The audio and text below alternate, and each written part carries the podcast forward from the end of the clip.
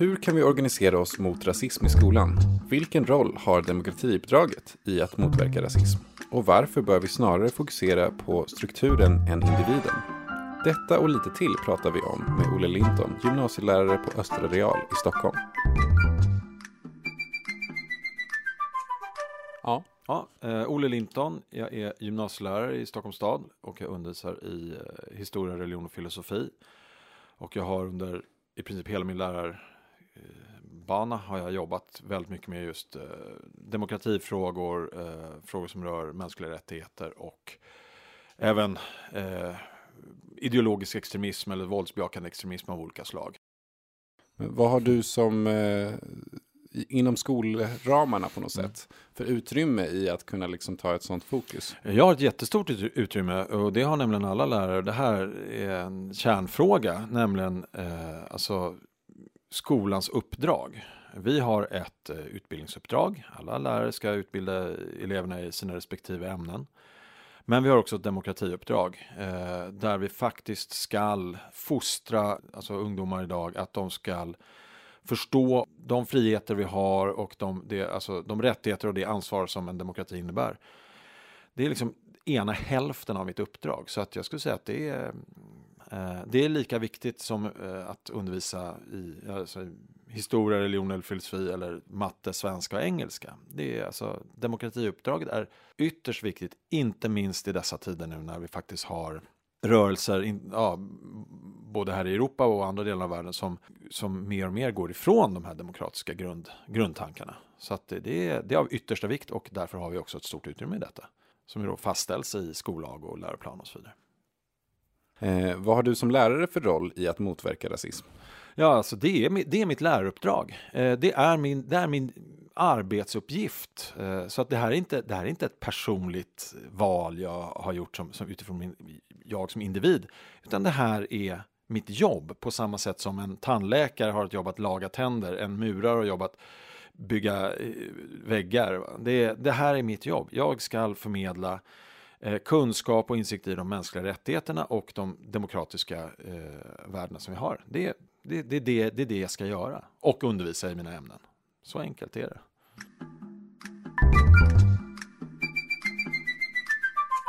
Vad finns det för fördelar med att organisera sig kring frågor om rasism i skolan? Den stora fördelen är att jag tror att väldigt, väldigt många kollegor runt om i landet, de jobbar eh, ibland i direkt motvind beroende på hur den politiska sammansättningen ser ut där de arbetar.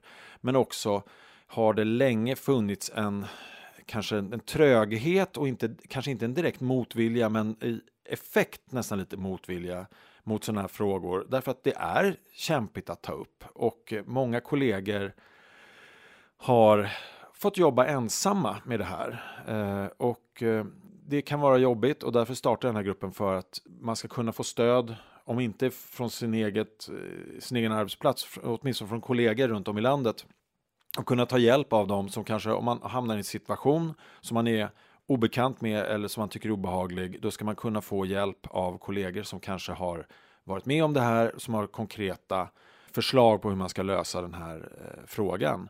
Men också naturligtvis eh, utbyte av texter, boktips, eh, dokumentärer och så vidare. Och så vidare. Hjälp att hålla varandra liksom, flytande.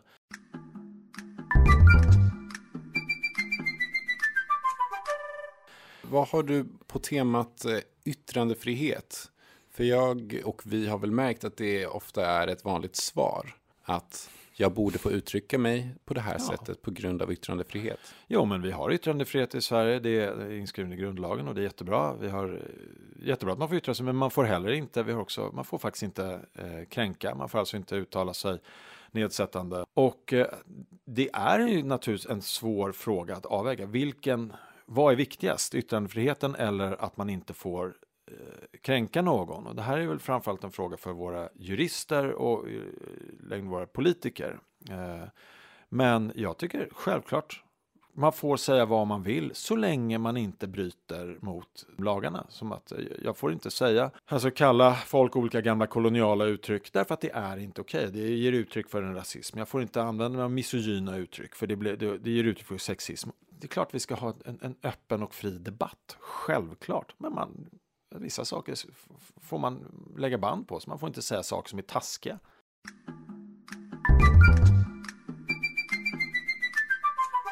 Vad har du för tips till andra lärare? Alltid kommunicera med sina kollegor.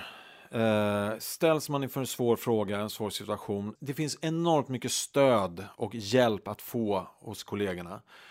Alltså utbilda sig också. Lärare har rätt till fortbildning och det finns ganska många kurser och möjligheter att, att få mer kunskap om sånt här. Men, men jag tror att det viktigaste ändå är att ha en, en snabb och väldigt öppen kommunikation med, med kollegor och lära sig av dem. För det finns alltid folk som har idéer som man kan eh, dra nytta av i sådana här sammanhang. Tack så mycket för att du har lyssnat på det här poddavsnittet som en del av Friends webbkurs om rasism. Du hittar webbkursen på friends.se och alla poddavsnitt hittar du även där poddar finns.